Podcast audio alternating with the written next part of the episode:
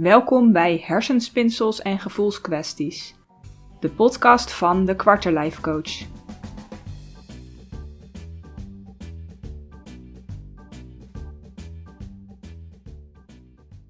Mijn naam is Daphna Bontebal en vandaag wil ik het met je hebben over de drie redenen waarom je niet meer weet wat je wilt. Je wilt niks liever dan eigenlijk gewoon een keuze maken, maar het lukt je niet. Je kan het gewoon echt niet. Je durft het niet.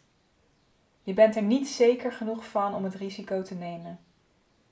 En stiekem hoop je dat de keuze voor je gemaakt wordt. Dat je je been breekt, zodat je zes weken even zonder reden rustig aan kan doen. Dat je ontslagen wordt. Of dat je partner de knoop doorhakt om er een punt achter te zetten. Want dan word je gedwongen om eens iets anders te proberen. Dan heb je de ruimte om een carrière switch te maken of eens te gaan ontdekken wat het leven jou nog meer te bieden heeft op het gebied van liefde of werk. Weet je, dan moet je wel. En natuurlijk weet je ook wel dat jij die keuze ook zelf zou kunnen maken, maar dat durf je niet. Want wat als het dan misgaat? Dan heb je er iets tussen haakjes moois voor opgegeven. Wat als je dan niet meer terug kan? Dan sta je door jouw eigen schuld met lege handen. Dat voelt toch wel echt heel erg anders dan wanneer de keuze voor je gemaakt wordt. De regie pakken over jouw eigen leven. Het is misschien wel een van de moeilijkste dingen die er is. Er gaan zoveel dingen meespelen dan opeens. Je wil niemand pijn doen. Je wil niemand teleurstellen. Je wil geen verkeerde beslissingen nemen. Je wil niet falen. Je wil niet kwijtraken wat je hebt als je niet weet wat je ervoor terugkrijgt. Maar ja, doorgaan zoals je nu doet wil je eigenlijk ook niet. De meeste van ons zijn zo geprogrammeerd dat we risico's proberen te vermijden en controle willen hebben over de situatie. Veiligheid en voorspelbaarheid. Het klinkt heel saai, maar vaak is dat wel wat we nastreven. En het idee dat de keuze dan voor je wordt gemaakt en je moet dealen met de situatie, is dan wel echt heel iets anders dan het idee dat je zelf een risico neemt en zelf je veiligheid en controle loslaat voor eigenlijk een onzekere toekomst. En toch levert dat laatste je wel het meeste op. Vertrouwen in jezelf, het gevoel dat je leeft, trots kunnen zijn op de keuzes die je hebt gemaakt echt iets zelf hebben bereikt. Zelf die keuze hebben gemaakt. Zelf de regie te hebben gepakt over je leven. Dat levert je enorm veel op. Maar ja, eng is het wel, dat, dat klopt. Keuzes maken moeten we op vele vlakken in ons leven. Je hebt de grote, de levenskeuzes, zeg maar. Werk, studie, relatie, vrienden, wil ik wel of geen kinderen? Waar ga ik wonen? Weet je, al dat soort grote keuzes. Maar ook, uh, weet je, soms merk je dat je zelfs al met de kleinste keuzes moeite hebt. Ik was een tijdje terug bij een vriendin en haar vriend vroeg toen: um, Wat zou je willen eten vanavond? En haar reactie was: Stel niet zulke moeilijke vragen. Waarop hij zoiets had van: Hoezo stel ik een moeilijke vraag? Ik vraag je toch niet om de wereldproblematiek op te lossen? Ik wil alleen weten waar je trek in hebt voor het eten vanavond. Maar weet je, als we zo in keuzestress zitten, dan zijn zelfs die kleinste keuzes, zoals waar heb je trek in, wat wil je eten, of waar zullen we heen gaan, wat zullen we gaan doen, dat zijn dan al keuzes die echt op je irritatie kunnen werken. Dat je denkt van laat me met rust. Ik wil geen keuzes meer maken. En die keuzestress die werkt door op vele vlakken in je leven. Je kan er in je gezondheid uh, last van hebben, want het levert stress op. Het kan invloed hebben op je familie, je vrienden, je relaties. Het kan uiteindelijk zelfs ook financiële gevolgen hebben. Stel dat je je baan kwijtraakt of je niet durft te kiezen voor jezelf en daardoor bijvoorbeeld een promotie misloopt. Of dat je gezondheid zo erg achteruit gaat dat je in een uitkeringssituatie terechtkomt. Maar ook op je persoonlijke groei heeft het een enorme invloed. Want je remt jezelf, je houdt jezelf tegen, je houdt jezelf klein. Je zorgt ervoor dat je stil blijft staan, ook in je persoonlijke groei. En dat is super zonde. hoe zou het voor jou zijn als je een baan hebt die 100% bij je past? Als je elke dag met plezier naar je werk gaat. Misschien kan je wel van je passie je werk maken. Hoe zou het zijn als je een relatie hebt waarbij je je eigen ding kan blijven doen, maar wel iemand hebt waar je altijd bij terecht kan, die er altijd voor je is en waar je jouw verhaal bij kwijt kan als je thuis komt? Hoe zou het zijn als je 100% jezelf zou kunnen zijn bij je vrienden? Dat het gewoon veilig en vertrouwd voelt. Hoe zou het zijn als je duidelijkheid hebt? Als je kan voelen welke weg jij te gaan hebt. Geen twijfels meer. Gewoon voelen dat je op de goede weg bent. Hoe zou het zijn als jij echt voor je keuzes kan gaan staan? Vol zelfvertrouwen. Dat jij je niet van de wijs laat brengen door wat anderen vinden. Maar waarom lukt dat dan niet? Wat zit er in de weg? Wat houdt je tegen? Wat maakt dat je nu staat waar je staat en dat je het allemaal niet meer weet? Het is niet erg dat je het niet weet, het is eigenlijk ook wel logisch. Er is zoveel wat je niet weet, wat je nooit geleerd hebt. Je hebt gedaan wat je kon met de kennis die je had. Het heeft je ver gebracht, maar nu werkt het niet meer voor je. Dus nu moeten we iets anders gaan doen. Moeten we andere kennis gaan vergaren. Moeten we gaan uitzoeken. Ja, hoe komt het dat je nu staat waar je staat? En daar kunnen vele redenen van zijn. Ik behandel vandaag de drie meest voorkomende redenen. Reden nummer 1 is: je past je te veel aan aan de verwachtingen. Aan de verwachtingen van de maatschappij, aan de verwachtingen van mensen om je heen. Het kunnen uitgesproken verwachtingen zijn, maar ook niet uitgesproken verwachtingen. Bijvoorbeeld dat jij invult van diegene zal vast dit of dat uh, van me willen zien of van me willen horen. Of ze zullen het vast gek vinden als ik dit of dat doe of zeg. Dus doe ik het maar niet. Ongemerkt passen we ons ontzettend vaak aan aan de verwachtingen van anderen. dat aanpassen, dat heb ik zelf ook jarenlang gedaan. Ik wist op een gegeven moment ook echt niet meer wat ik nou zelf vond, of wat ik zelf wilde, of wat mijn eigen mening was. Ik voelde me eigenlijk een soort chameleon. Ik kon me in alle standpunten en alle meningen van anderen kon ik me verplaatsen. Ik kon me verplaatsen in hoe de ander zich voelde, uh, hoe de ander naar dingen keek. Ik kon het allemaal begrijpen. En ja, ik kon dingen altijd van de ene kant zien, maar ook van de andere kant. En ja, wat, wat dan zelf mijn eigen mening was, ik had echt geen idee. Ik was me gewoon alleen maar aan het aanpassen aan de verwachtingen van anderen en aan wat wordt van mij verwacht, wat moet ik doen, wat zijn mijn taken, uh, hoe zorg ik ervoor dat ik erbij hoor, dat ze me aardig vinden. Maar daarmee raak je jezelf wel echt ontzettend kwijt. En een ander puntje is uh, waar je je aanpast, is aan de boodschappen vanuit je die je vanuit de opvoeding hebt meegekregen. Zoals bijvoorbeeld, uh, doe maar gewoon, dan doe je al gek genoeg. Of ik kreeg vaak te horen uh, thuis, als je niks nuttigs te zeggen hebt, hou dan je mond. Dus ik ging me bij alles afvragen van ja, is dit eigenlijk wel nuttig wat ik nu wil zeggen? En daardoor werd ik een heel stil meisje. En ik, ja, aangezien ik altijd dacht dat hetgene wat ik te zeggen had toch niet nuttig of niet belangrijk was, hield ik maar mijn mond. Dus je opvoeding kan ook een hele grote rol spelen, uh, ja, waardoor je je bent gaan aanpassen aan de verwachtingen. En waardoor je dus ook kwijt kan raken uh, wat jij eigenlijk wil, wat jouw mening is, waar jij bent in dit hele verhaal. Je gaat eigenlijk van buiten naar binnen leven. Dus je pikt alle signalen vanuit de buitenwereld op. En daaraan ga jij je aanpassen en ga jij ehm, ja, je leven leven. Een mooi voorbeeld is ook, um, weet je, als je bepaalde plannen hebt en je wordt gebeld door je werk van, goh, zou je extra komen werken, want er is iemand ziek.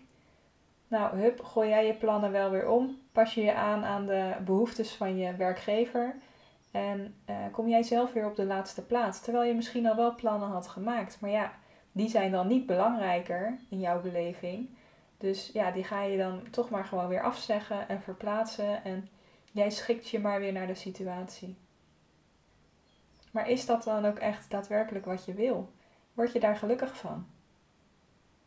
Of raak je eigenlijk jezelf alleen maar steeds verder kwijt en raak je eigenlijk steeds meer kwijt wat het dan is wat jij het liefst zou willen? En daarmee komen we eigenlijk ook gelijk bij punt 2. Want je bent het contact met je gevoel en je verlangen kwijtgeraakt. Je weet eigenlijk niet meer wat je nou precies wil, wat je voelt of wat jouw verlangen is, waar jij gelukkig van wordt. Hoe ziet dat er dan uit? Geen idee.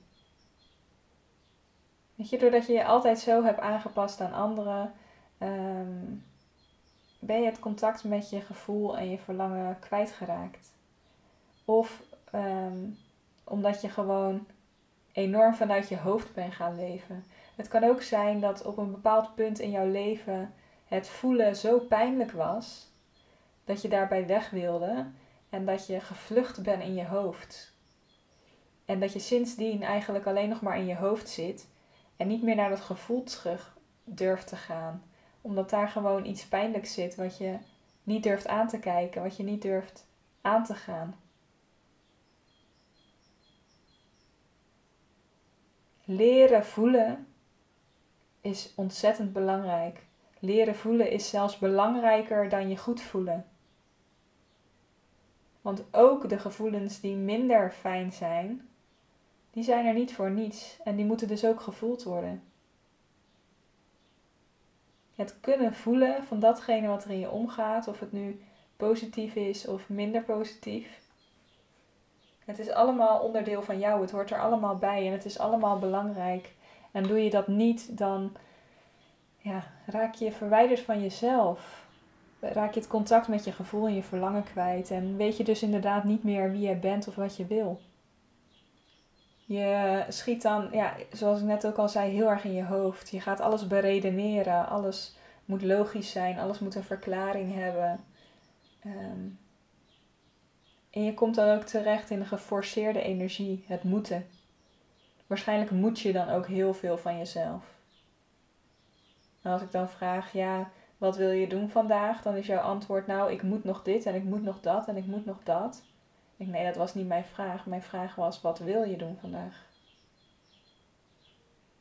En daar kan je haast dan niet meer bij komen, omdat ja, je gewoon leeft vanuit je hoofd en daar zit een to-do-lijstje in en dat to-do-lijstje moet afgewerkt worden en punt. Ja, word je daar gelukkig van? Ja, het is wel fijn als dat to-do-lijstje klaar is, weet je. Het geeft wel een soort van voldoening als je gedaan hebt wat je moest doen van jezelf, maar echt gelukkig van word je er niet. En dan komen we bij punt 3. Dat is de laatste reden eh, waarom je niet meer weet wat je wil. En dat is dat je je laat leiden door angst. Wat als ik een verkeerde keuze maak? Of als ik dit kies, dan kan ik niet meer dat. Als jij je laat leiden door angst. Uh, van ja, maar als ik dit doe, misschien raak ik dan wel iets kwijt. Of misschien gaat er dan wel iets mis. Of wat vinden anderen daar dan van? Dan kom je niet in beweging. Dan blijf je staan waar je staat. En ja, dan kom je dus ook niet in contact met jezelf en met wat jij daadwerkelijk wil. En misschien weet je ergens diep van binnen dan wel wat je wil. Maar ja, je hebt gewoon bepaald van ja, dat is gewoon niet voor mij. Er zitten gewoon te veel risico's aan, te veel haken en ogen. En het gaat gewoon niet. Punt. Ja, gaat het niet? Of heb jij jezelf wijs gemaakt dat het niet gaat?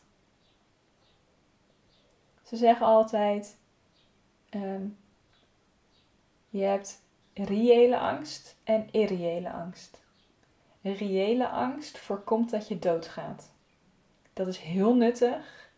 Die angst die heb je nodig. Die zorgt ervoor dat je niet uh, in zeven sloten tegelijk loopt.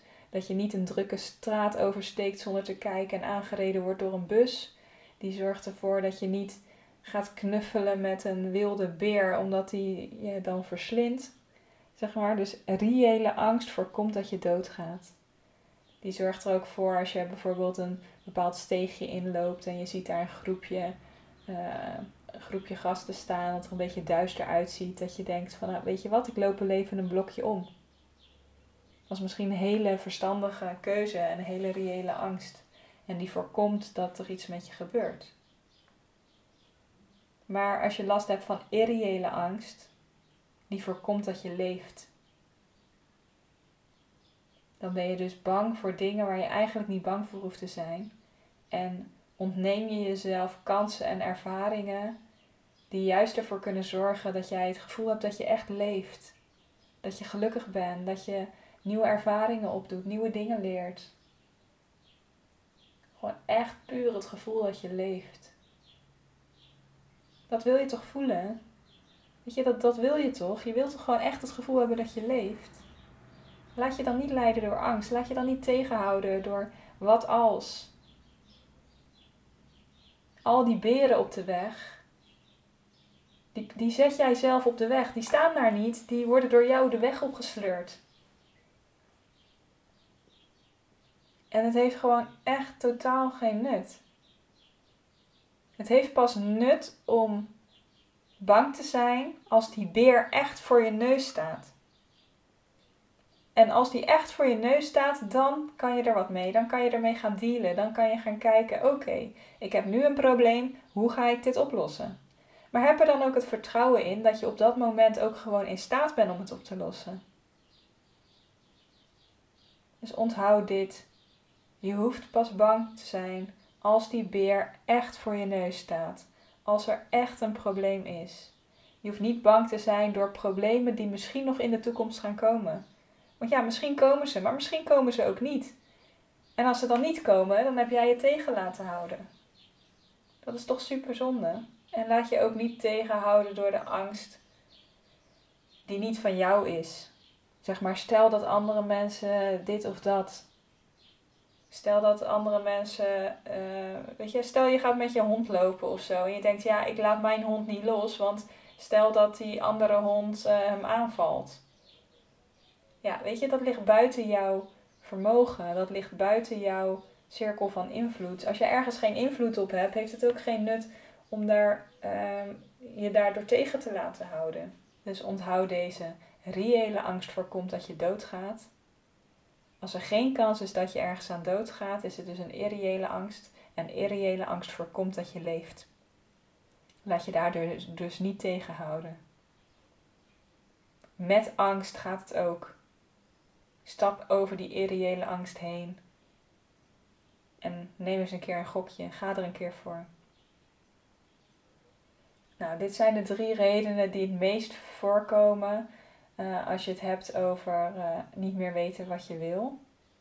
Ga voor jezelf eens na welke van deze redenen voor jou gelden. Want als jij weet wat ervoor zorgt dat je nu staat waar je staat, dan kun je ook iets gaan veranderen. Stap 1 is altijd het belangrijkste: je bewust worden van wat gebeurt er, wat doe ik, hoe komt het dat ik nu sta waar ik sta, hoe komt het dat ik me tegen laat houden, dat het me niet lukt, dat ik stilsta. En vanuit daaruit kan je eh, een actieplan gaan maken en kan je er wat mee. En zoals ik al zei, dit waren de drie meest voorkomende redenen. Er zijn natuurlijk nog een hele hoop andere redenen. Ehm, wil jij echt zelf aan de slag met jouw eigen proces, met jouw eigen specifieke situatie, ehm, dan is dat mogelijk. Uh, ik heb een, um, een online programma, uh, het Deep Dive programma. Het is een combinatie van een online programma met theorie, opdrachten en filmpjes. Maar daarnaast ook persoonlijke coaching van mij via videobellen. Maakt dus niet uit of je bij mij in de buurt woont. Ik kan je altijd helpen, zolang je maar Nederlands spreekt. Ik ben niet zo heel goed in mijn uh, vreemde talen. dus het is wel allemaal in het Nederlands. Ja, dat programma dat is dus drie maanden het, is het, online, het online programma is op je eigen tempo te volgen. Kan je op je eigen manier uh, doen. Mag ook langer dan drie maanden. Je hebt twee jaar lang toegang. Uh, in die drie maanden spreek je mij elke week uh, voor persoonlijke coaching. Gaan we echt in op jouw specifieke situatie, maatwerk, um, heel veel persoonlijke aandacht en begeleiding. Je hebt ook uh, dagelijks de mogelijkheid om schriftelijke ondersteuning te krijgen van mij, om mij feedback te vragen, uh, om ondersteuning te vragen, vragen te stellen over het online programma.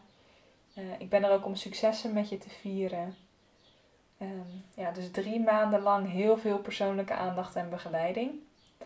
En uh, in het online programma gaan we ook echt aan de slag met een stukje bewustwording, een stukje mindset, authenticiteit en communicatie. We gaan aan de slag met je zelfvertrouwen, je zelfbeeld, grenzen stellen, prioriteiten stellen, verantwoordelijkheid nemen, maar ook een stukje effectief communiceren. Dus als jij gaat veranderen, hoe communiceer je dat dan naar de buitenwereld en hoe zorg je dan dat je niet dat je geen weerstand krijgt van, vanuit de mensen om je heen, zeg maar. En de laatste module is helemaal gericht op het stukje keuzes maken. Dus wat wil je anders? Hoe gaan we dat bereiken? We maken een praktisch plan van aanpak. Uh, je leert in drie maanden echt alles wat je nodig hebt. Je ervaart een enorme stroomversnelling en het scheelt je zoveel tijd en frustratie. Je hoeft het niet allemaal alleen te doen. Je hoeft niet het wiel opnieuw uit te vinden. Dat wiel is door anderen allemaal al tig keer uitgevonden. Dus maak daar ook gewoon gebruik van. En zoals ik al zei, je houdt twee jaar lang toegang tot alle lesstof. Het is echt de transformatie van je leven. Het is zo waardevol. Het is echt um, ja, de moeite waard. Wil je meer informatie over dit programma, de inhoud, de startdata, de prijs? Check dan even mijn website www.dekwarterlifecoach.nl. En je kan je ook aanmelden voor mijn gratis besloten Facebookgroep. Daar vind je nog een hele hoop meer uh, inspiratie. En uh, mijn besloten Facebookgroep heet de Quarterlife Community. Dus die kan je gewoon uh, via Facebook kan je die gewoon vinden. En uh, je kan natuurlijk ook gewoon mijn podcast blijven luisteren. Binnenkort komt er weer een nieuwe aflevering online. Ik hoop dat ik je heb kunnen inspireren met deze aflevering en graag tot de volgende keer.